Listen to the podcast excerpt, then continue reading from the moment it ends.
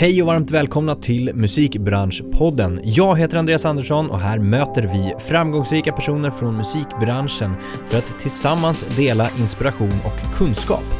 Podden produceras av DMG Education, musikbranschens digitala kunskapsarena med kurser, utbildningar och coachning för dig som vill utveckla din karriär.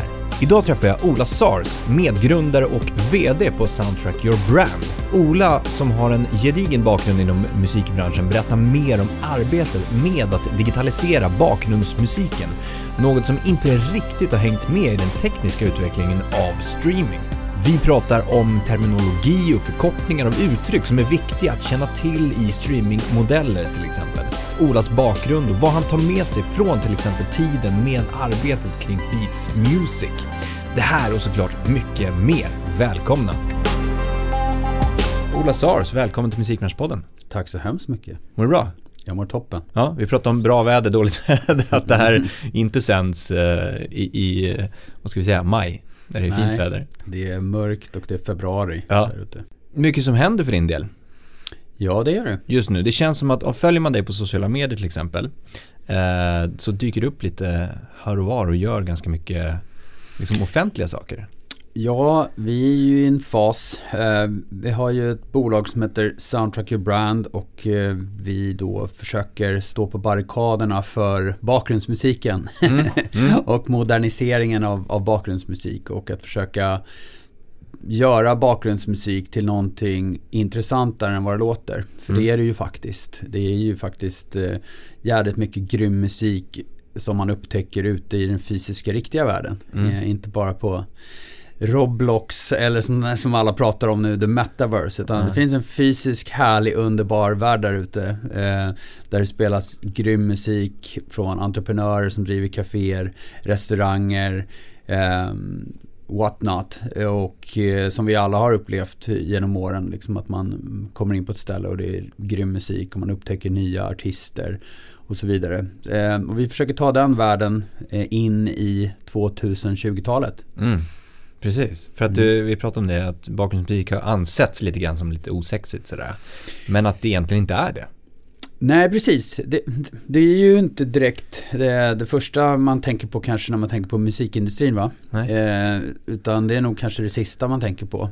Och så har det nog varit. Men eh, återigen då, vi har tagit på oss ansvaret att faktiskt lyfta bakgrundsmusik och göra någonting bra av det. Mm. Och det är ju en stor marknad, bara det att den har inte digitaliserats än då. Den streamingekonomin och streamingmarknaden började ju med konsumentmarknaden då till oss, eh, vad vi lyssnar på i våra hörlurar. Ehm, och jag jobbade i den marknaden länge eh, och lärde mig hur den funkade och sen så upptäckte vi helt plötsligt då att eh, musik som spelas i det publika rummet eh, faktiskt inte hade digitaliserats än, hade inte då anslutits till den digitala värdekedjan. Mm. Eh, vilket vi har spenderat mer än fem år och eh, gjort då, vilket innebär att man då gör licensavtal med skivbolag och förlag och olika typer av intresseföreningar runt om i världen. Mm. Eh, och eh, ser till att det finns en modell för hur man köper musik som företagare, alltså ett företagsabonnemang. Och hur, vad det ska kosta och hur de royalties som kommer från det ska fördelas mellan, Mm. mellan eh, låtskrivare, artister, skivbolag, förlag och övriga intressenter. Just det, för viktigt att poängtera är ju att, att eh, när du spelar musik i offentliga sammanhang till exempel som en kaféägare så behöver du ju ha en licens och du får ju inte bara spela eh, Spotify-abonnemang till exempel eh, från det privata kontot så att säga. Nej, precis. Och det är ju såklart väldigt många som gör det. Mm. För att det har inte funnits en streamingtjänst. Så det är, det är ganska likt det som hände i konsumentmarknaden. För de som kommer ihåg. Eh, för 15 år sedan när fildelning liksom höll på att förstöra våran vackra fina industri. Eh, så kom det ju då en, en, en lösning med streaming där man faktiskt fick betalt och, eh, och eh, pengarna fördelas enligt vad som spelas. Eh, Det har inte hänt på, hade, hade inte hänt på företagsmarknaden innan vi gjorde det då.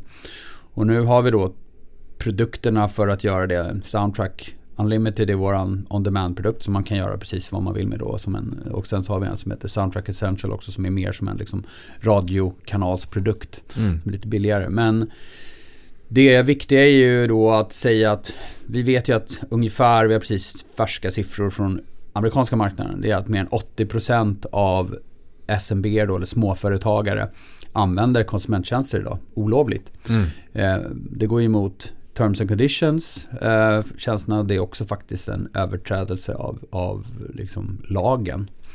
Eh, och varför ska då inte artister eller låtskrivare få korrekt betalt när deras musik används i, mm. i det kommersiella sammanhang? Jo, det ska de. Mm. det, det har inte funnits. Just det. Och det ska vi försöka fixa nu. Men hur har det sett ut? Om vi bara backar lite så här, Då har ju bakgrundsmusik har ju spelats upp ifrån en CD-skiva eller som du nämnde satellit eller mm. liksom radio eh, eller liknande. Mm. Eller hur? Mm.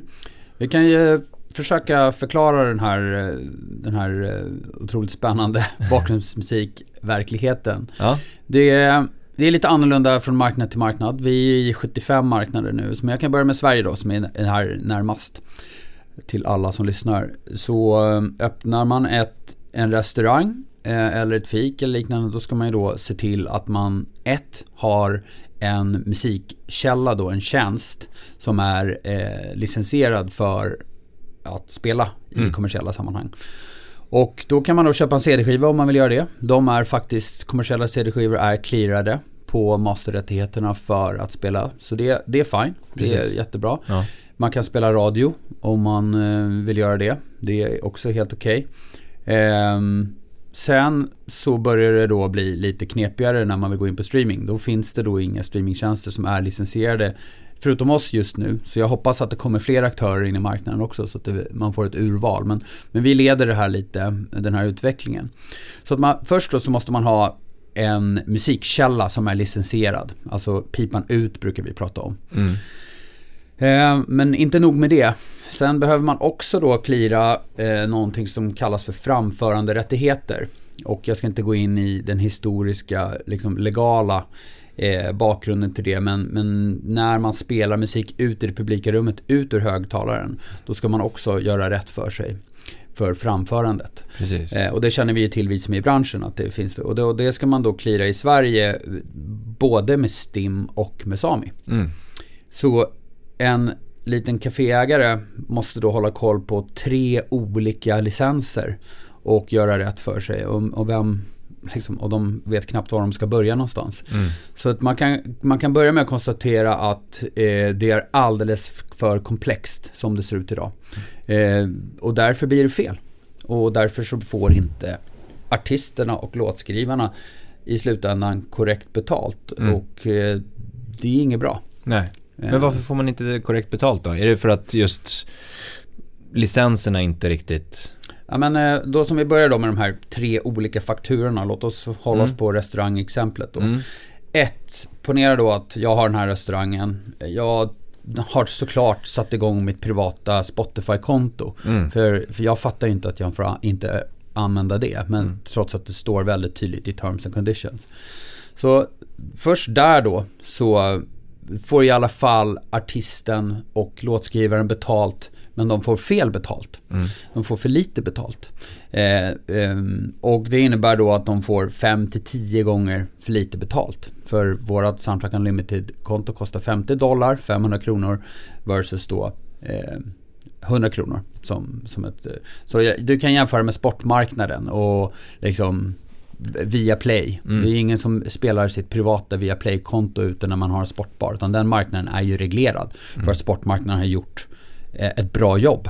Eh, och uppenbarligen tycker sportbarer det är värt att betala Liksom, det kostar 200-300 tusen att visa Premier League i, äh, i sin sportbar. Mm. Det gör de för de vet att de får igen det. Mm. Så, så att, och, eller så lite mer idiotexemplet som jag brukar ta för att verkligen liksom påvisa det här förhållandet. Det är Eh, det är ingen som öppnar biografer på Netflix-konton. Så, så det är ju bara att fixa. Liksom. Mm. Så, Mm. så, så se till att folk använder rätt tjänst och se till att bygga en jäkligt bra tjänst. Mm. Och det försöker vi göra då Mm. och vi hoppas att fler gör det. Så tillbaka till exemplet. Först kan man då lista ut att jag ska ha en företagslicensierad produkt för att streama musik. Precis. Sen så ska man också lista ut att man ska betala för framförandet och liksom om man inte är musikbranschen så förstår man ju knappt vad det betyder. Nej. Men det, men det blir man varse om då eh, genom att googla lite eller att STIM eller Sami hör av sig. Mm. Då ska man betala både STIM och Sami också för framförandet. Baserat på hur stor lokalen är eller vilka öppettider man har och så vidare så, så har man tre fakturor och, och betalar dem eh, för att kunna ha musik i Mm. sin Mm. men om jag drar det lite längre om jag får det så Kör. är det Okej, säg att man då har lyckats eh, faktiskt hitta soundtrack. Eh, man har eh, lyckats eh, kontakta STIM och Sami eller de, man har satt upp det. Och man betalar och gör rätt för sig.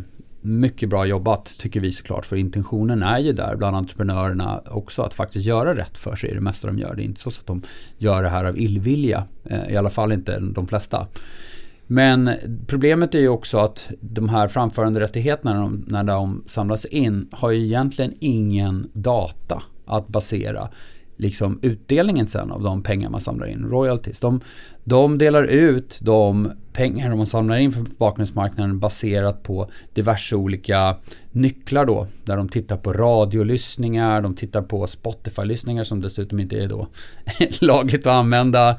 Eh, och lite andra, det som kallas analogier. Och så försöker man dela ut de royalties man kollektar, samlar in, eh, baserat på några antaganden om vad som har spelats. Inte baserat på vad som har spelats. Mm. Och det tycker jag då är kanske lite konstigt i 2020-talet. Där det faktiskt, man borde kunna betala rätt låtskrivare och rätt artist när deras musik har eh, använts. Så eh, det som lite fint kallas i branschen för user-centric eller usage-based. Mm. Eh, men det, i och med att man inte har källan eller man inte vet vad det är som spelas, då kan man inte göra det. Och det skulle jag gärna vilja fixa. Mm. Ehm, det skulle jag tycka var ett jätteintressant komplement. Dels skulle det, liksom restaurangägaren kunna få allting genom en tjänst, en faktura och restaurangägaren skulle också veta att faktiskt rätt artist som hon har spelat blir ersatt när, när de använder det. Mm. På alla nivåer i framförandet och i mekaniseringen då, de masterrättigheterna. Just det. Så att det är lite grann liksom visionen framåt nu också Mm, då. Och det vad det. har varit. Vi kan ju backa lite. Bra exempel eh, by the way.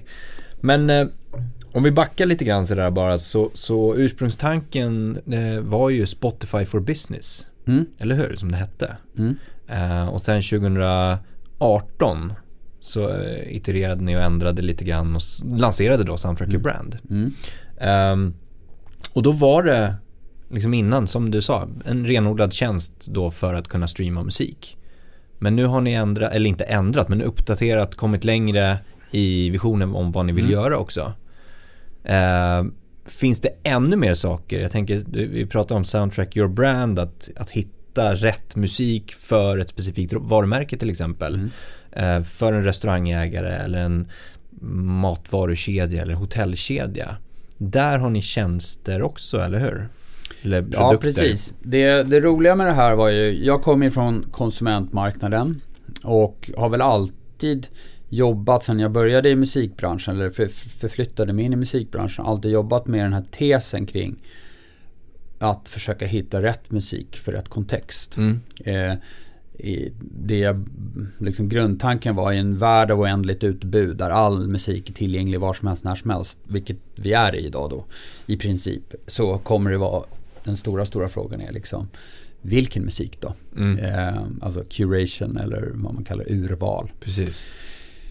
Eh, och det har jag jobbat med i konsumentmarknaden under massa år och sen så nu då i företagsmarknaden och det är en ny utmaning och det är en, en helt nytt sätt att angripa urvalet för att ett varumärke måste dels tänka på ja, just varumärket. Hur ska vi låta? Mm. För man tänk, ett företag tänker ju alltid på okej, vad ska vårt varumärke stå för? Vilken kundupplevelse ska vi leverera? Hur ser vår logga ut? Hur ser våra restauranger ut? Hur ser eh, våran webbsida ut? Och liksom man jobbar väldigt, väldigt mycket såklart med eh, varumärket och den önskade perceptionen av, av ens varumärke. Mm.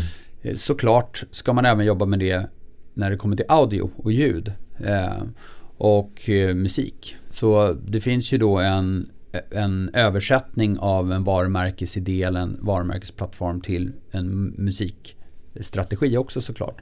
Så det, den bryggan jobbar vi med att försöka hjälpa företag att, att översätta ett varumärke till en musikprofil. Just det. Eh, så det är den första delen i det hela och sen så när man har då och det har vi eh, jobbat länge, länge med, byggt en egen proprietär musikintelligensplattform då, om man får säga så, eller AI eller eh, machine learning plattform som där vi har en egen metod och har, har tränat upp våra maskiner då mm. på att filtrera musik på det sättet som varumärken filtrerar musik. Ah, okay. Till exempel, tillbaks till restaurangexemplet. Vi öppnar en restaurang tillsammans, du och jag. Vi sätter oss ner en kväll och säger så här. Jobbar med loggan och vilken typ av musik eh, vi ska ha. Eller vilken typ av varumärke vi ska ha. Och vilken meny och så vidare. Och sen så kommer vi till musiken. Då kanske vi tänker att vi vill ha Ehm, ja, men vi vill ha lite house, vi vill ha lite liksom loungemusik, vi vill ha lite jazz, vi kanske vill ha lite rock. Vi vill ha det i eh, mellantempo till lågt tempo. Vi vill inte ha kanske explicit lyrics, eh, fula ord. Tar vi bort. Och vi vill att det ska vara lite eh, elegant eh, men ändå modernt. Alla de där orden jag nu sa finns i vårat system och vi skulle kunna ge de orden, de beskrivningarna till våra algoritmer eller våra maskiner för att sen välja ut musik. Mm. Så det är, en, det är ett annat typ av mer sofistikerat, liksom, man sätter ett DNA. Mm. Man sätter liksom en filtrering på ljud. Och då kan vi sen jobba med att ta fram musik löpande hela tiden och leverera det på restaurangen i det här exemplet. Och sen då kanske man vill gå lite längre. Man tänker då att på lunchen på en måndag då låter det nog lite annorlunda än afterworken på en torsdag eller en fredag. Mm. Då börjar man prata om liksom att tidsbestämma upplevelsen också. Mm. Och då har vi också en funktion då där man kan liksom sätta en musikkalender för veckan. Och olika typer av upplevelser på olika tider på mm. dygnet. Sen eh, expanderar vi, öppnar 100 restauranger kanske. Och vi öppnar i, över hela Europa och USA. Då har vi helt plötsligt olika tidszoner, vi har olika typer av restauranger, vi har olika marknader med lokal repertoar och, och eh, önskemål om hur det ska låta. Det kanske låter annorlunda i New York än vad det gör i München. Och så helt plötsligt blir det här en ganska sofistikerad övning och komplex övning att kunna spela rätt musik på rätt plats i rätt tid för ditt varumärke och för din kundupplevelse för att sälja mer hamburgare. Mm. Mm. så att där har du den bredden och djupet av komplexitet som musik för varumärken inbegriper. Mm. Eh, och det jobbar vi då för att försöka bemöta och se till att spara ångest, tid åt entreprenörer runt om i världen och sen också frigöra värde för musikmarknaden samtidigt. Mm. Mm, spännande. Om vi går till 2018 då, hur kommer det sig att ni att ni uppdaterade, att ni ändrade lite riktning? Ja, men det var ju ganska stor. Eh, jag ska dra den väldigt korta versionen. När eh, vi startade Soundtrack så gjorde vi det tillsammans med Spotify som våra eh, medgrundare. Och det gjorde vi för att det var, det var en väldigt bra setup för oss för de hade en väldigt bra musik-backend, alltså själva infrastrukturen med eh, hela liksom, den tekniska plattformen för att leverera musik eh, som de hade byggt. Och det hade jag precis försökt bygga själv på Beats i USA. Och det är inte trivialt. Det, det tar tre år och kostar en halv miljard att göra. Mm. Eh, så då kunde vi liksom låna deras plattform för att sen bygga då den den delen av mjukvaran som liksom bemöter kunden, företagskunden istället. Och foka på det primärt för att se om det fanns ett behov av en musikstreamingtjänst för företagsmarknaden. Mm. Så då startade vi Soundtrack med Spotify som medgrundare och då gjorde Spotify åtagandet att göra, förse oss då med den här backend-lösningen som var egentligen den största drivkraften. Och sen hjälpa oss med lite initial testlicensiering som, vi, som de gjorde då i, för de nordiska marknaderna. Eller eh, Danmark, Norge, eh, förlåt. Norge, Sverige, Finland blev det bra. Danmark ville inte hänga med. Så vi fick möjligheten att testa då det här. Mm. Mm. Eh, tillsammans med Spotify. Då innebar det då att produkten var tvungen att heta Spotify Business. Vi hade faktiskt två produkter till och med som vi itererade. Spotify Enterprise och Spotify Business. Mm. Enterprise var för stora kedjor och Business var för liksom, småbolagsmarknaden. Eh, och då testade vi det tillsammans eh, och det visade sig, det där var ju en marknad eh, upptäckte vi. Och, och det gick ju verkligen att, att, att ta ut mer värde på företagsmarknaden. Så då bestämde vi oss för att flytta hemifrån, eh, vilket alltid var tanken att liksom göra det jag hade tänkt, bygga ett nytt svenskt eh, musikstartup på global nivå. Och eh, det tog eh, några år att liksom komma framåt med egen produkt och egna licensieringar framför För det fanns inga licenser.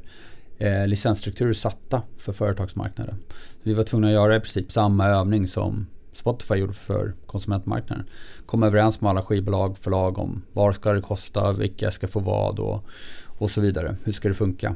Och det tog ett bra tag. Men 2018 mm. så släppte vi då Soundtrack Essential, vår första produkt i den första marknaden. Och sen har vi rullat ut 75 marknader sedan dess då med två produkter. Soundtrack Essential och Soundtrack Unlimited. Så det, det tar tid och kostar pengar att bygga streamingtjänster. Mm. Eh, och det är svårt.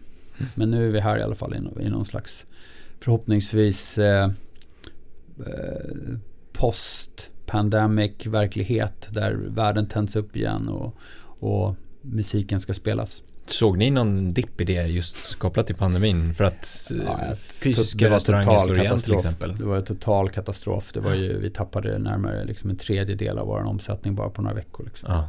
För att de sa upp abonnemangen till exempel eller? Ja, världen stängde ju ner och ja. sen så erbjöd vi dem då, byggde snabbt möjlighet att pausa. Ah, okay. Eh, mm. Och eh, även covid-rabatter. Så vi jobbade otroligt proaktivt dygnet runt liksom, med att försöka hjälpa våra kunder. Mm. Det var inte mest synd om oss, det var ju synd om de entreprenörerna som fick stänga ner sina restauranger för alltid. Liksom. Mm, mm.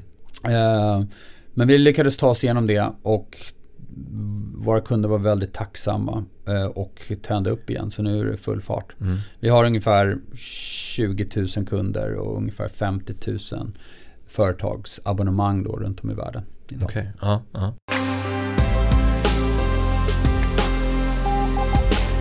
Som du nämnde tidigare så var, är USA den stora marknaden mm. för ny, mm. eh, nyanvändning eller nya mm. användare. Mm.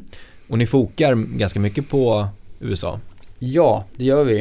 Eh, det 2021 var lite av det avgörande året för oss för att det var det året vi faktiskt fick ut det vi alltid har byggt mot och det var Soundtrack Unlimited som är då en helt eh, flexibel on-demand-produkt för företagsmarknaden. Vilket innebär då att du kan göra din egna playlist, du kan göra precis vad du vill, precis som på Spotify, fast i en företagsprodukt som du sen kan distribuera ut till dina restauranger då.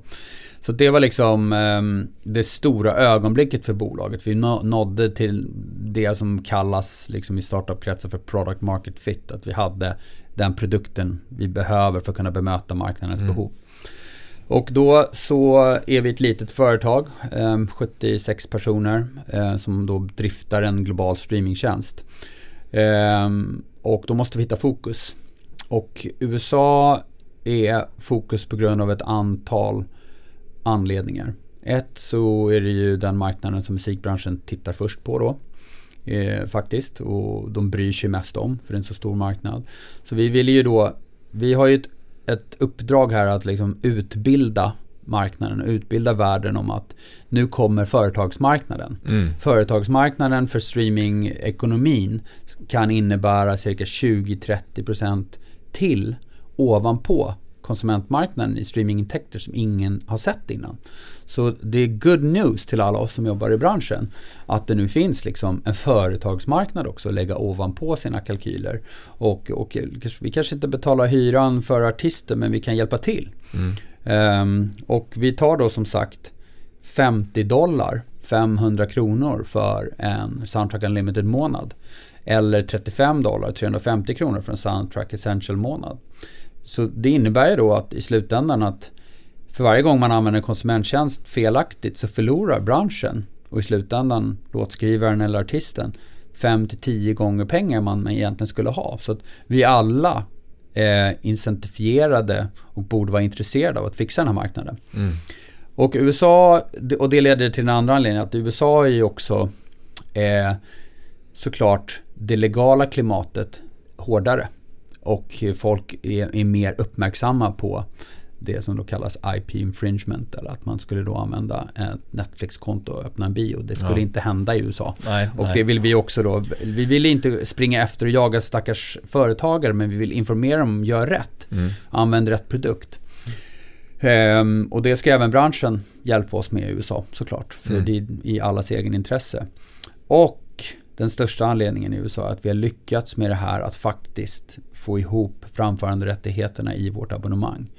Vilket eh, både i, faktiskt i USA och i Kanada representerar vi också då performing rights som det heter på engelska. Alltså mm. framföranderättigheterna. Det som man eh, licensierar med STIM och SAME. Det innebär då att Soundtrack entreprenören behöver bara en faktura. Mm. Mm. Och det är de jätteglada över och de vet också att pengarna går till rätt eh, artist eller till rätt rådskrivare. För att vi rapporterar ju allting på, på användarbasis då, vad mm. man använder för musik. Så där har vi en fungerande modell på plats. Eh, vilket är jättebra. Och vi, vi, vi, har visat att vi kan ta ordentligt betalt för att vi sparar tid, pengar och ångest åt företagskunderna. Och då är de beredda att betala. Mm. Men jag är inte lite intresserad av flödet här nu. Det, fungerar det lite liknande att, eh, ja men säg restaurangägare, återigen då tar vi det exemplet, eh, betalar den här eh, månadsavgiften på 500 kronor om vi översätter det till svenska kronor till exempel. Mm. Um, ni samlar in det och sen så har ju ni licensierat själva musiken från eh, de som äger inspelningarna, oftast skivbolagen. Uh, och där har en deal med skivbolagen om hur mycket ni betalar per stream då. Eller hur? Det är precis samma modell som Spotify. Det är, ja, det är då en, en, en, så kallad eh, greater of-modell, prorata-fördelning. Mm. Precis. Vilket, eh, ja, jag behöver inte utbilda den här bodden om hur det fungerar. Men, men man, man kan dra den, den enkla ekonomin då. Liksom. Vi, I och med att vi tar ut 50 dollar mm. så fördelas ju mycket, mycket mer pengar till rättighetshavarna, den totala kakan. Mm. Eh, I absoluta tal. Och sen så fördelas ju det precis på hur det har spelats upp. Så vi rapporterar ju varenda låt med uppdaterad metadata såklart. Så att om en låt har bytt ägare i Europa över natten så får rätt ägare dagen efter betalt när deras låt spelas. Mm. Och det här tricklar då ner till, till allas royalty statements. Ehm, och förhoppningsvis börjar artister och låtskrivare se nu att det kommer en liten rad som det står soundtrack your brand på. Ehm, och det börjar trickla in pengar. Mm. Som inte hade kommit annars och som inte kommer om man inte använder en tjänst som är kopplad till den digitala värdekedjan. För om man eh, använder radio eller så här, då kommer inte de pengarna där. Mm. Så det är ju, det är då lite fint uttryckt inkrementellt. Det är ytterligare eh, intäkter som finns där på det man har ovanpå. Mm. Bonusintäkter. Mm. Som alla borde vara rätt intresserade av. Eh, för att vi vet ju alla att det inte är så lätt att överleva på att vara musiker. Mm. Så varje liten extra eh, krona bör man bevaka. Om man tänker sig då musikbranschen som stort, hur ska musikbranschen titta på bakgrundsmusik? Finns det fler möjligheter till det här än att det bara spelas i bakgrunden? Ja, det är, jag brukar säga lite Eh, lite så enkelt att musikbranschen handlar om två saker. Det är liksom breaking artists and making money. Liksom, och det är någon annan som har sagt till mig. Som jag har lyssnat och hört. och eh, det tog jag med mig lite in i det här då. Det är, dels så har vi ju pratat redan om att 50 dollar per abonnemang innebär mer pengar och vi liksom låser upp mer värde i musik. Så det är bra. Då är det liksom making money, check. Det är bra för branschen, artister och låtskrivare får mer betalt. Sen Breaking Artist, vad är det då? Jo, då brukar man ju prata om liksom promotion och marknadsföring, radio, eh, TikTok och så vidare mm, liksom. Mm. Eh, men tillsammans med Nielsen Research som är en sån här fin eh, researchföretag i USA så har vi gjort en eh, undersökning i år för att titta på hur stor är den här marknaden, bakgrund, bakgrundsmusikmarknaden i termer av hur många konsumenter de når. Så bara i USA så når bakgrundsmusikmarknaden, bara i USA så går konsumenterna i butik 91 miljarder gånger per år. Mm. Så man är där ute, in och ut på restaurangen, kaféet, butiken. 95% av dem spelar musik. Det är en jättemarknad för att upptäcka musik. Så Breaking Artists skulle vi också kunna uppfylla här. Mm, eh, mm. Att skapa den här otroligt stora plattformen ute i den fysiska världen som eh, skivbolag, artister, eh, förlag kan jobba med som en promotionkanal också. Så här i, i och med att vi digitaliserar den så kan man också börja liksom placera musik och titta på reaktioner. 79% av konsumenterna som går in under de här 91 miljarder besöken lägger märke till musiken. 73% av de 79% när de hör en låt de verkligen tycker om, gör någonting för att hitta den låten. Mm. Till exempel shazammar den eller googlar den eller mm. frågar personalen. Mm. Så det är inte bakgrundsmusik längre. Mm. Utan det är lite framgrundsmusik. eller ja, någonting. Det är, det är faktiskt en, en framåtlutad, en potentiellt framåtlutad upptäcktsresa uh, för musik. Music discovery moment som man kallar det i USA. Eh, och det är inte vad folk tänker på när jag säger bakgrundsmusik i branschen. De bara, ja det är någonting som If vi håller på med eller mm. liksom Stim, du vet. Sådär. Nej, det är en jättemöjlighet. Att faktiskt se den digitaliserade bakgrundsmusikmarknaden som en stor promotionkanal. Mm. Nu är man helt fast och pratar om TikTok, eh, vilket såklart man gör rätt i. Roblox och metaverse och sånt. Ja, det är jätteintressant också. Eh, men det är inte i närheten så stort som det här mm. i termer av konsumentreach. Det finns ju lite spännande tankar om man tänker sig just Spotify som kom, ett abonnemang kostar 99 kronor, att det var en standard som sattes där och då. Har du gått i tankar om att, säg att det inte hade funnits en standard av vad en, ett streamabonnemang hade kostat. Tror du det skulle kunna se, ha sett annorlunda ut just kopplat till att ja, men, företagsmarknaden till exempel. Skulle företag vara mer villiga att betala då, säg 1000 kronor eller 1500 kronor för att få visa upp sitt varumärke i samband med den här musiken till exempel? Mm. Jag tror att det finns en, en väldigt stark betalningsvilja eh, i företagsmarknaden. Nu är ju redan liksom 500 kronor eh, ganska mycket jämfört med vad det kostar i och med att inte marknaden har reglerats. Mm. Eh, och mm. de, en företagare, men vadå kostar 10 kronor med Spotify, då tar jag ju det. Mm. Men då måste ju branschen tillsammans göra någonting åt det. För, för det är inte okej. Okay. Utan man måste ju betala för företagsabonnemanget. Liksom. Så funkar det ju inte. Eh, och jag tror att det finns ytterligare möjligheter att tjäna pengar i företagsmarknaden med att expandera erbjudandet. Till exempel ut på liksom sociala medier, ut i andra typer av upplevelser. Mm. Eh, I den digitala världen till exempel.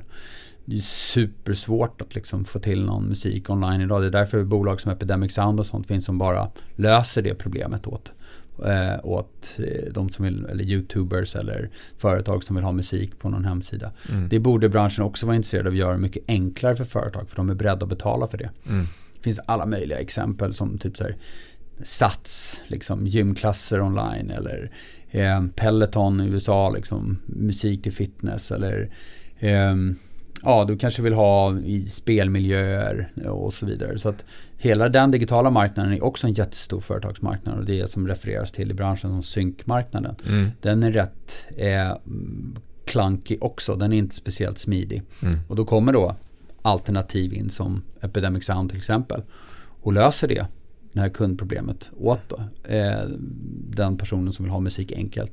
Då tappar branschen pengar på mm. det. Så vi mm. borde jobba med att förenkla det till köparna för de betalningsviljan finns där. Nu har jag lagt liksom närmare en miljard på att eh, bygga en företagstjänst för att försöka öppna upp bakgrundsmusikmarknaden kan nog tänka mig att investera lite mer in i det området också och försöka fixa till den digitala företagsmarknaden. Mm. Ja, då tänker man ju spontant på allt som kommer hända med metaverse mm. och sådana mm. saker. Att företag kommer ju kunna visa upp sig digitalt mm. där också. Mm. Uh, och, och, kunna ha samlingsplatser eller säga att det mm. spel, görs en, en uh, digital festival uh, någonstans i metaverse. eller annat digitalt land. Och där finns det ju också Men möjligheter. måste skala. Det är det liksom också Daniel var ju så jäkla bra på att vara fokuserad på att bygga en tjänst som skalar. Mm. Liksom. Han fick alla att förstå att det går inte att göra så här, att alla ska ha olika och så här. Vi måste komma överens om någonting som skalar, för det är då man får volym.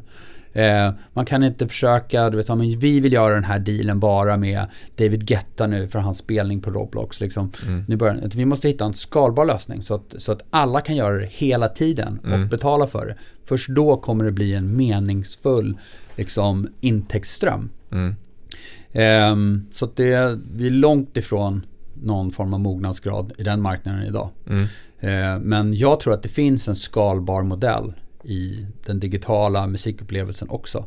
Alla e-handlare. Det, det, finns massa forskning på liksom i vanlig butiksmiljö att om man spelar rätt musik så, så, så blir upplevelsen bättre om man hittar rätt produkt och man köper mer och så vidare. Det finns massa sådana grejer man skulle kunna göra online. Mm. Eh, för att ytterligare få mer värde för, för sin musik. Mm. Men vad, vad, vad, skulle du säga till liksom kreatörer, artister, låtskrivare som som känner så här, ja men vadå, det är bara bullshit det här med skala. Jag vill liksom ha rätt betalt, jag vill ha fair, fair betalt för min musik när den används och nu får jag bara en procentuell andel. Mm, nej men ja, det är såklart så får man bestämma själv över sina rättigheter. Eh, och äger man sina rättigheter då får man göra exakt som man vill ju såklart. Har man gett bort dem till någon annan då är det de som bestämmer över det. Det är ju det första. Eh, och jag har all sympati för att liksom en artist har svårt att överleva på, på, liksom, på sin musik. Eh, men det faktum är att vi måste alla komma ihåg vad det var som hände nu Eh, innan konsumentmarknaden, innan det blev faktiskt fungerande streamingekonomi som fortsätter att växa. Och nu faktiskt kom Goldman Sachs ut med sin senaste analys som ytterligare la på 5% på streamingmarknaden. De tror att det kommer vara 1,3 miljarder betalande streamingkonsumenter här nu i slutet av, två, av eller 2030. Så att det blir större hela tiden, det kommer mer intäkter. Eh, och då får man ju bestämma sig om man vill vara med i den. Den intäktsmodellen är ju rätt tydlig. Och man har faktiskt massa olika sätt man kan distribuera. Nu pratar jag om konsumentmarknaden och mm, den mm. fungerande marknaden. Och där, där kan man ju antingen äh, göra det själv. Man kan göra det genom skivbolag. Eh, så man kan ju välja själv hur man distribuerar om man vill distribuera sin musik i streamingekonomin. Det är helt upp till artisten. Eh, att den marknaden är den största marknaden är ju bara för att den fungerar bra mot slutkonsumenten. Eh, och det har blivit en massmarknad. Så då har man en möjlighet att faktiskt få betalt där. Tidigare så skulle man ju då behövt eh, bränna en CD-skiva, få ett skivkontrakt, distribuera en skiva. Så det var inte så enkelt förut heller. Eller bli bestulen på sin musik genom fildelning.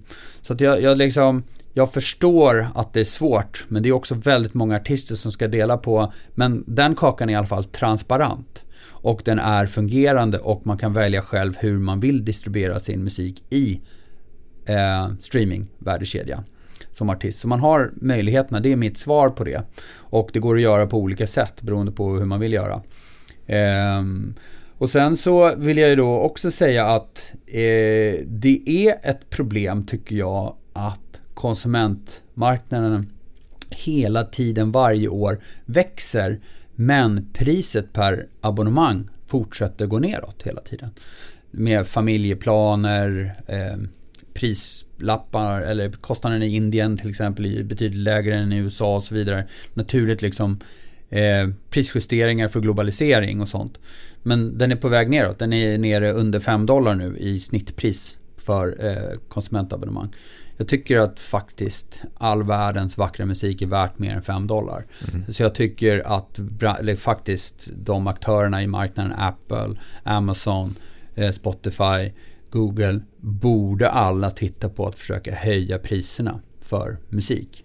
Mm. Eh, och det vet jag att de tittar på jag gjorde det här stora lipet och sa nej men det kostar 50 för det är en företagsabonnemang, det är en annan grej. Och där är i alla fall ett konkret exempel på någon som försöker ta ut mer värde ur musik. Och jag ska försöka fortsätta ta ut ytterligare mer ju mm. bättre produkt jag bygger. Mm. Men eh, marknaden, streamingmarknaden växer. Eh, den kommer fortsätta bli större och större och större. Men det är fler artister som ska dela på det. Eh, men man kan ju ta större del av kakan om man eh, väljer att ha sitt eget skivbolag eller direkt distribuera snarare än att liksom dela med sig. Ehm, man får bestämma själv helt enkelt. Tycker man att ett skivbolag är värt ehm, den delen de tar då distribuerar man genom det, den lösningen. Mm. Eh, vill man göra det själv så gör man det. Mm. Du snackade om transparens och jag mm. tänker på ni och du är ganska transparenta med siffror till exempel kring hur det går med eh, för Soundtrack. Mm. Eh, just kvartalsvis att hur ni växer, hur det ser ut, marknaden, rapporter och sådana saker. Ehm, hur tänker du kring det, den biten, att visa upp andra hur det går? Nej men jag eh, tycker att transparens är superviktigt i den här branschen och det säger jag inte bara för att jag ska låta schysst eller rätt liksom. Men det, det är de facto så att det, det streaming eh, marknaden kommer var ju just transparens. Musikbranschen var ju knappast transparent innan. Eh, liksom, ingen visste vem som tog vad i en CD-deal. Liksom. Mm. Och jag lovar er, det var förmodligen inte artisten som tog den bästa dealen i de gamla tiderna. Så de tiderna var inte så jäkla mycket bättre än vad det är nu. Eller det var snarare komplett stängt dörr, stängda dörrar. Nu är ju konsumtionen exponerad i och med att det är en datadriven modell och man kan följa vilka artister och hur många lyssningar och hur många followers. Så det är de facto transparent. Eh, Likaså för oss på Soundtrack och, och hur, hur det går för oss även när det går dåligt och när det går bra. Eh, och vad som spelas och hur mycket vi tar betalt och hur, hur mycket vi försöker förmedla vidare till, till musikbranschen. Eh, det finns nog ingen anledning att inte vara transparent. Eh, för att förr eller senare så det här är en transparent modell. Eh, och det tycker jag är bra. För det, det, då flashar man ut de som, de som inte kan vara transparenta vet man håller på med någonting konstigt. Mm. Som, inte är, som inte är funkis. Mm, mm. Um, så att jag skulle gärna vilja att hela branschen var transparent. Vad är det som fördelas och på vilken basis fördelas? Det är det man samlar in. Jag tänkte om vi ska gå in på lite metrics. Mm. Eller liksom eh, mm. förkortningar eller mm. termer som mm. används som mm. alla kanske inte har superkoll på. Eh, om vi börjar med MAU, M-A-U. Vi har snackat om det tidigare men vi, vi drar det igen. Vad, vad, står det för? Det står för eh, Monthly Active Users då på engelska. Men Precis. användare som använder tjänsten varje månad. Så säg att vi hade 100 kunder och 80 av de kunderna spelade musik i sin butik förra månaden. Då har vi en MAU på 80%. Mm, exakt. Och det här går ju att översätta, det är inte bara streaming utan det handlar ju om allting. Alla allting, tjänster. Alla tjänster som mm. kan användas. Uh, churn rate är någonting annat som också används. Mm. Det är då en engelsk term för eh, procentuell andel av tappade kunder. Ah. Så, så churn är ju då en churn är en förlorad kund. Eller ett förlorat abonnemang då. Mm. Så om vi hade våra 100 kunder då och vi tappade 10 kunder förra månaden då har vi haft en churn rate på 10%. Ja, exakt. För det finns ju sådana som säger upp abonnemangen. Ja. Och sen så får man ju titta på då hur många ny, mm. nya subscribers som man får under samma period kanske. Ja, alltså nettotillväxt då. Eller, ja. eller eh, en, en nettoförlust. Eh, och det där är ju hela liksom abonnemangsbusinessen mm. som, som det handlar om hela tiden. Nettoeffekten på nya kunder versus tappade kunder. Man vill ju tappa så få kunder som möjligt genom att ha en bra produkt. Och så vill man ta in så många nya kunder som möjligt genom att erbjuda dem någonting nytt och bättre. Mm. Företagsmarknaden har ju också lite sådana här eh, säsongsbetonade grejer. Så att Gotland på sommaren tänds upp och stängs ner. Mm. Åre på vintern tänds upp och stängs ner lite. Så att vi har en sån där också cyklisk Eh, effekt i våra kundbaser. Just det, så att då ser ni lite trender där Ja. kopplat till olika, Mm. ja. Just speciellt. Covid såg vi som en Ja. ganska stor trend när hela världen stängde ner till Ja. exempel. Såklart. Och sen har vi MRR också. En annan förkortning, vad står det för? det. Och det är på engelska och allting. Det är Monthly Recurring Revenue. Precis. Och det är då på månadsbasis hu- hur mycket intäkter ett företag har från sina abonnemang då, från sin abonnemangsbusiness. Mm. Eh, vi till exempel skulle kunna ha lite intäkter på andra saker, lite hårdvara eller kanske lite konsulting och sånt ovanpå. Då är det inte liksom, då är det inte den här löpande abonnemangsintäkten som man vill ha. Nej. Nu har vi då ungefär 98% abonnemangsintäkter i vårt företag. Så då pratar man om MRR och då är det Monthly Recurring Revenue. Mm. Hur mycket hade vi i abonnemangsintäkter förra månaden? Snyggt. Vi har något som heter LTV. Mm. Eh, lifetime value. Och det är också en jätteviktig eh, parameter i abonnemangsbusiness. Mm. Eh, I subscription business. Det är värdet av en kund. Ett livstidsvärde av en kund. Så om vi har 100 kunder så tittar vi på en kund. Och då tittar vi på den kunden och säger så okej det här är Olles Café. Eh, de betalar 50 kronor i månaden då. Vilket är 600 kronor, eller 6000 kronor om året. Bra, och vi tror att de är så pass nöjda. Vi ser det liksom i snitt på alla våra kunder. Att våra kunder stannar i, i eh, snitt tre år. Och då räknar vi då på det totala livstidsvärdet tre år på de här 6 000 kronorna då och vad vi får för marginal diskonterat till ett nuvärde. Mm. Vad är den här kunden värd? Så i enkla ordalag så här, varje kund är värd, vi bara hittar på, 10 000 kronor. Och då kan man då räkna på eh, vad det är värt att ta in kunder också. Mm. Det är väl din nästa fråga antar jag. Då brukar man fråga, då kan jag hjälpa dig ställa rätt, rätt nästa fråga. vad betyder CAC? Precis. Ja, och det betyder Customer Acquisition Cost. Och det, det är det man tittar på vad det kostar att faktiskt marknadsföra eller sälja för att ta in en ny kund. Så Mm. om kunden är värd 10 000 kronor då, eh, Oles Café för oss, eh, då är det nog värt att betala 9 000 kronor och ta in den då. För då Mm. får man en liten marginal. Eller så bestämmer man, ja men vi ska ha en CAC på 5 000 kronor. Vi vill ha liksom två gånger pengarna tillbaks. Mm. Men i musiksvängen är det faktiskt och eh, i många sådana här abonnemangsbusinessar så har man det magiska talet 3. Man skulle gärna vilja betala 333 kronor eller 3 3333 kronor för en kund som är värd 10 000 för att det är tre gånger pengarna tillbaks. Mm. Precis. Bra. Har du gått igenom de flesta. Ja, det är nog de stora. De stora. Ja. har, du- har du fler som du brukar slänga dig med eller använda? Vi kan sitta hela dagen. Ja.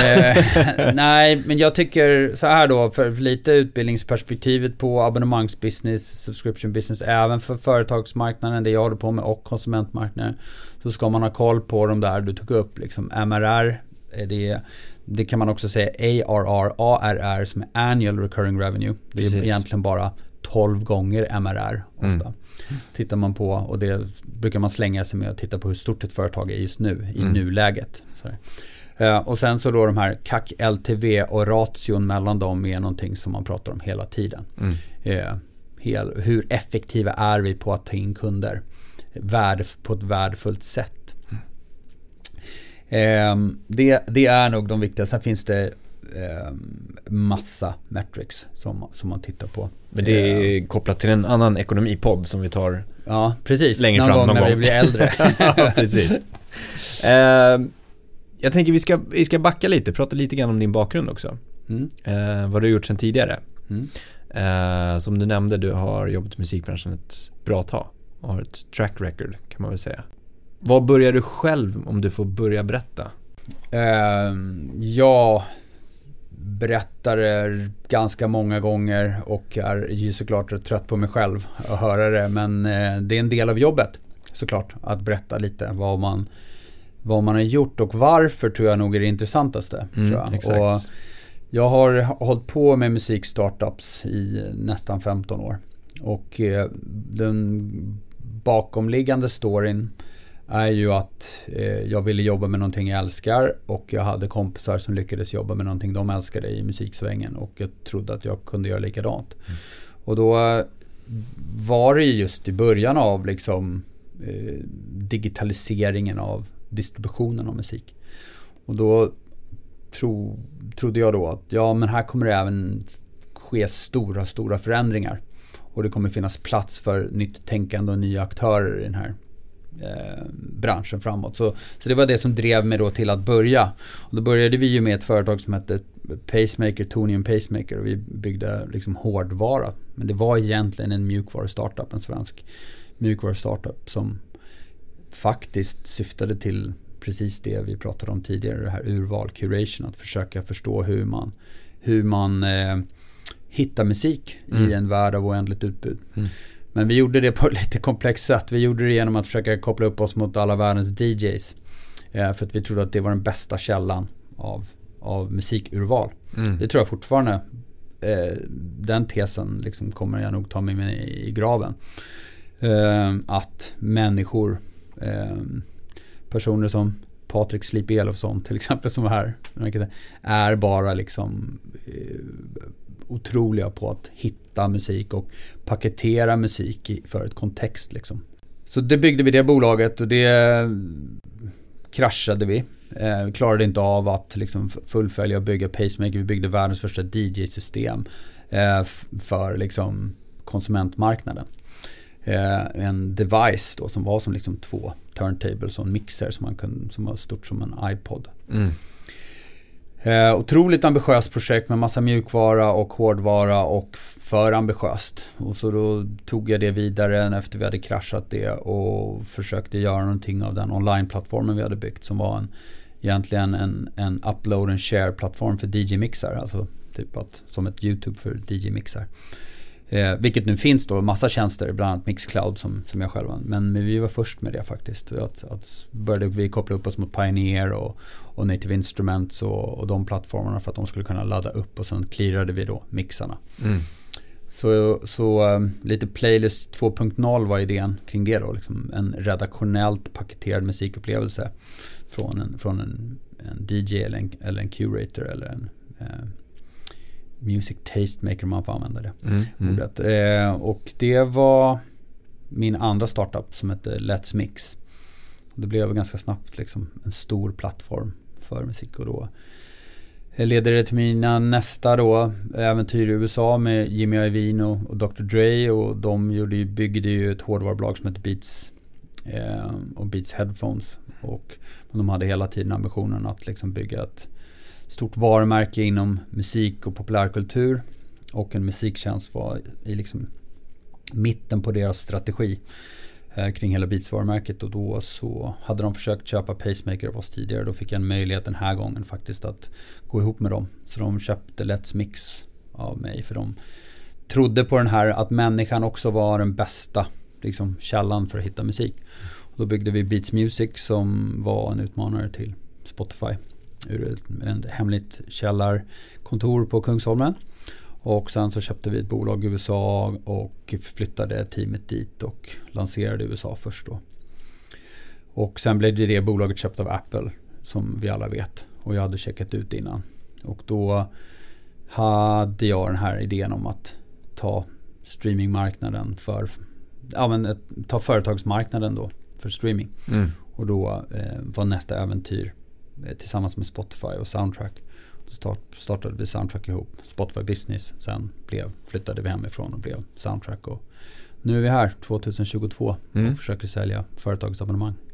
Och då finns det ju massa följdfrågor man kan ta men då ska vi nog sitta här hela dagen. Jag försökte hålla det jätte, så kort bara. Så ja, men jättebra. Eh, man, vi kan gräva ganska djupt i så här, men hur sätter man sig i de sammanhangen med eh, de stora spelarna, hur får man ett erbjudande om att bli uppköpt, hur, hur liksom tar man det vidare och så vidare och så vidare och så vidare. Men det, det kanske vi inte ska gå in på för mycket här och nu.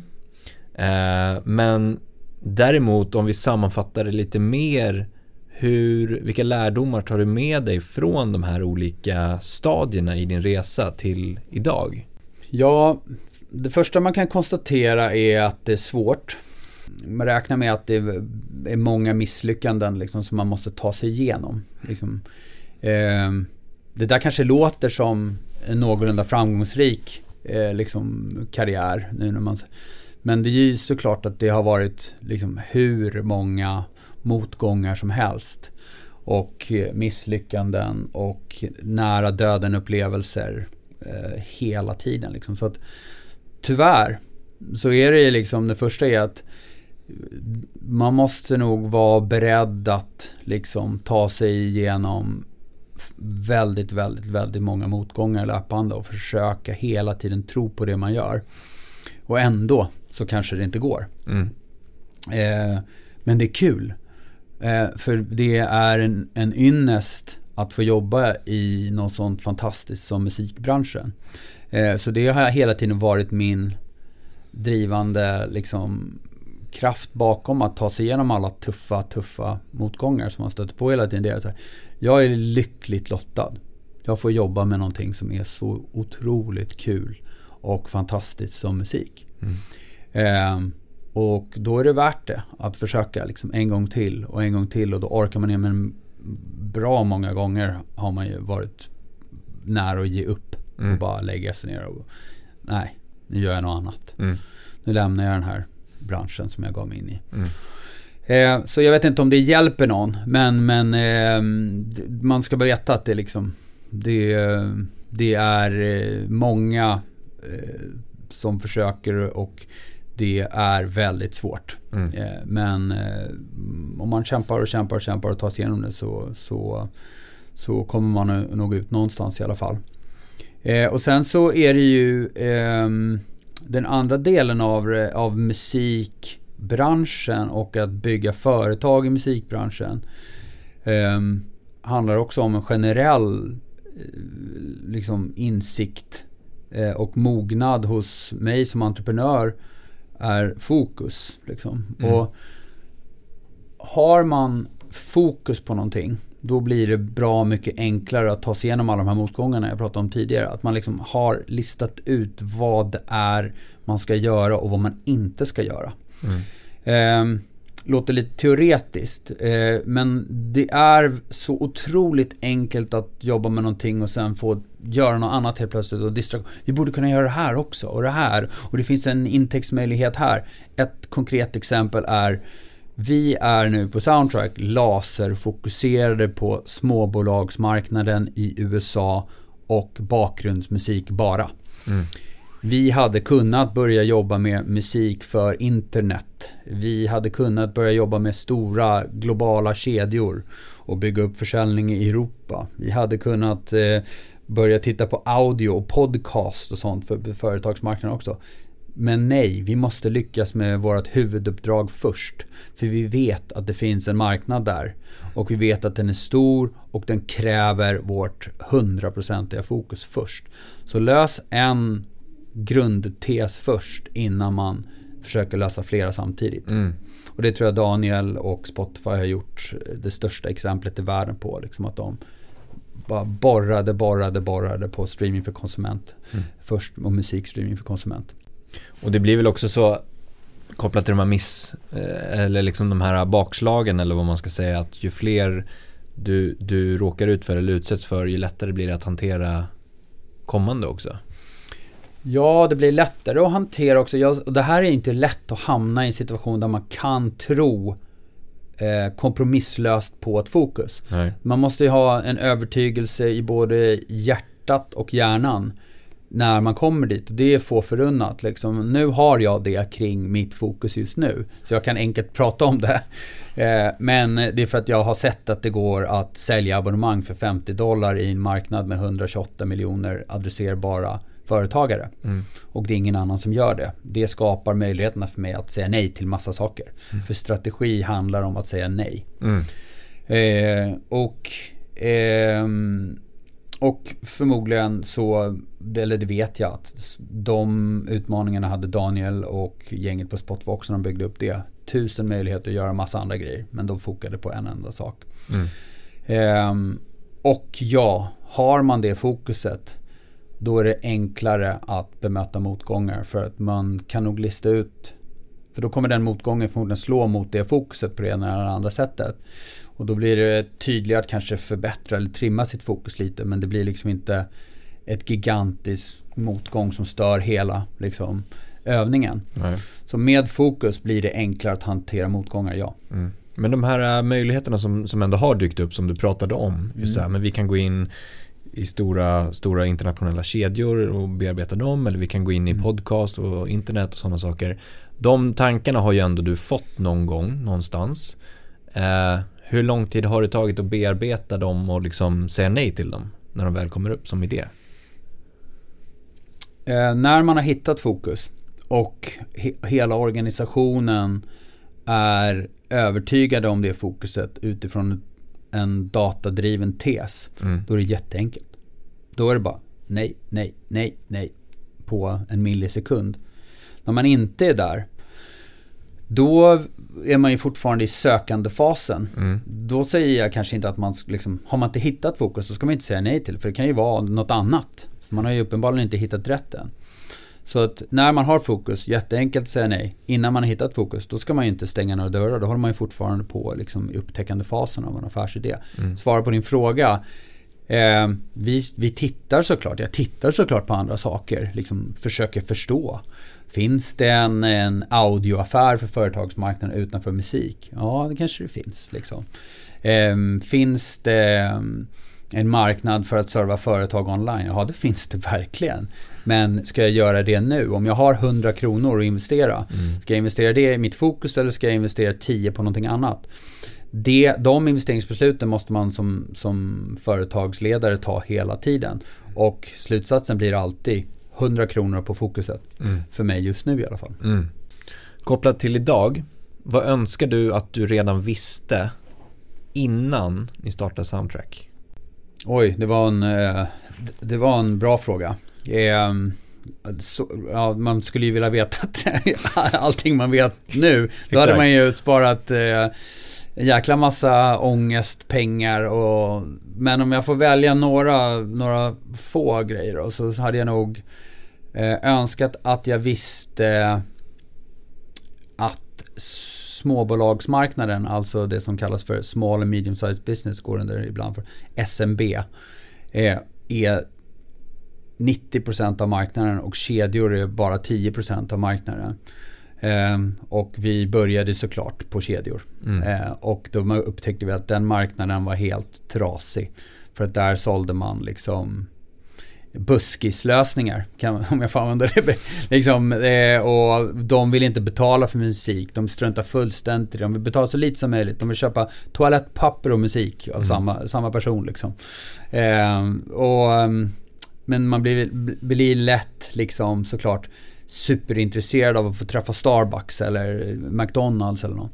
Så att det jag hade vetat att liksom, nej, Enterprise-marknaden då som heter storföretagsmarknaden, den är korrupt och den, där går det inte att göra business. Mm, mm. Så då hade vi undvikit det för vi byggde väldigt mycket baserat på det i början. Och sen eh, så tror jag faktiskt att vi är en ganska konkret musikbranschtes. Vi trodde att bakgrundsmusikmarknaden kunde, det skulle räcka med då en så kallad liksom semi-interaktiv produkt. Alltså en produkt som, skapar, som skapas av vårt AI-kanaler och så vidare. Att man inte liksom valde låt för låt. Men det visade ju sig sen då efter en lång tid att nej men företagare vill, de är så pass framåtlutade att de vill kunna spela liksom exakt den här låten, exakt den där låten efter den och exakt den där tiden. Liksom. Mm. De är otroligt noggranna med, med sin varumärkesupplevelse. Mm. Alltså behövdes det då en on-demand-produkt för, och det trodde vi inte i början. Så att vi fick liksom expandera vår licensieringsövning ganska ordentligt mm. efter ett tag när vi lärde oss det. Och jag vet att du har ett laserfokus nu som du pratade om. Mm. Men om du inte hade jobbat med soundtrack just nu, vad tror du att du hade gjort då? Oj, eh, vad hade jag gjort då? Nej men eh, jag tror ju att den här eh, synkmarknaden är nästa stora marknad som kommer att eh, behöva reformeras. Mm. Jag tror att, eh, och det är flera bolag som håller på med det. Men jag tror att det, det skulle kunna vara en jättestor marknad för, för musikbranschen. Jag hade varit kvar i musikbranschen för det första. Det försöker jag vara tills jag kanske slutar. Mm. Om det går. Eh, så den marknaden tror jag är otroligt mycket större än vad den är just nu. Jag tror att den är extremt ineffektiv. Eh, uppenbarligen, för det sitter ett bolag här på, på Söder eh, som heter Epidemic Sound som eh, liksom är värderat över en miljard dollar idag.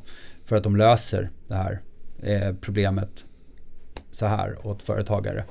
Och sen kan man tycka, tycka vad man vill om deras modell och hur de sourcar sin musik. Men, det, men man kan välja att titta på hur de faktiskt har öppnat upp en miljardmarknad genom att göra det enkelt för kunderna att köpa. Mm. Enkelt säger jag, inte billigt. Det skulle kunna ta mycket betalt om vi skapade förutsättningar för att faktiskt distribuera en kommersiell katalog in i, i, i synkmarknaden på ett effektivare sätt. Mm. Så du tror, tror du att det öppnar, har öppnat upp för fler, det kommer fler aktörer där också?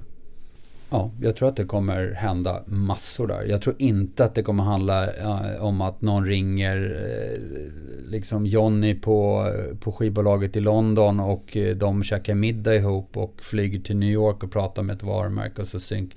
Alltså, nej, så kommer det inte vara, mm. tror jag. Nej. Alla äger sina rättigheter, de får göra vad de vill med, med sin konst, självklart. Och det, det, så är det alltid utgångspunkten i vad jag gör. Men, men jobbet är ju att försöka skapa mer värde i marknaden. För mm. jag tycker att branschen är för dålig att ta ut värde i konsten, musik. Det är min grundläggande tes. Jag tror att musik är undervärderat som, som fenomen. Mm. Och det är på grund av att marknaden är ineffektiv. Och det är alldeles för många protektionister som sitter och bevakar gamla positioner eh, runt om. Som inte vill att den ska bli transparent och snabbare. Mm. Men jag tror att i slutändan så kommer digitaliseringen att vinna. Och då kommer marknaden bli större. Då ser, gäller det bara att ligga rätt och kunna ta bra betalt. Och för Soundtracks del då, framåt? Eh, vi har kommit in på det lite grann. Men det har pratats lite om börsnotering. Mm. Är det något som är offentligt? Ja, absolut. Det är, alltså, jag förstår inte varför det ska vara så eh, folk håller på. Det gör faktiskt inte företagare nu för tiden heller. Förutom när det är liksom riktigt skarpt läge när man hamnar under regleringar. Mm. Men det är klart att börsen alltid är ett intressant eh, plats att eh, finansiera bolaget. Att eh, skapa en scen för vår tes att prata utifrån. Eh, jag har väldigt mycket att säga som jag vill säga eh, till marknaden hela tiden. Se till att fixa bakgrundsmusikmarknaden. Se till att göra det lätt för företagare att betala så att vi kan addera mer pengar till faktiskt den artist och den låtskrivare som, som, som vars verk används. Jag har massa sådana saker som jag vill liksom prata med och med, med börsen och en, ett publikbolag så får jag också en informationskanal och en kommunikationskanal som blir mer formell. Mm. Så det finns flera anledningar förutom att finansiera bolaget också. För börsen är ju de facto liksom en, en evergreen fond vilket innebär att det är liksom en, en, ett oändligt utbud av kapital om man gör rätt. Mm. Men det är en ganska stor grej att göra, eller hur? Alltså...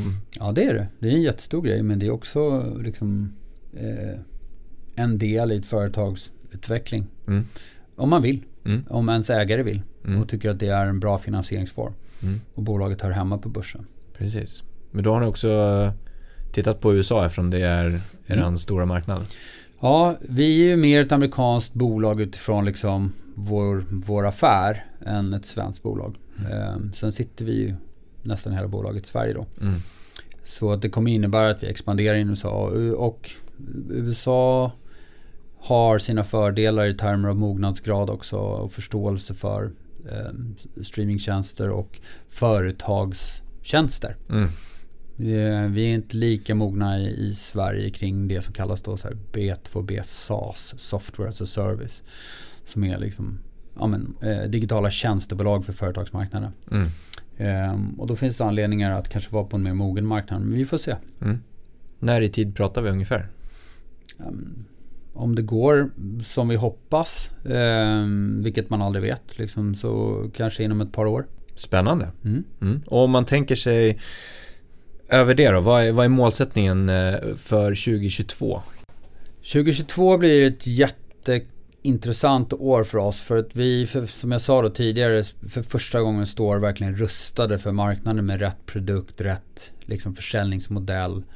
Eh, och vi har rekryterat lite bra personer in i teamet som nu ska liksom verkligen, det ska bli det så kallat liksom tillväxtår. Mm.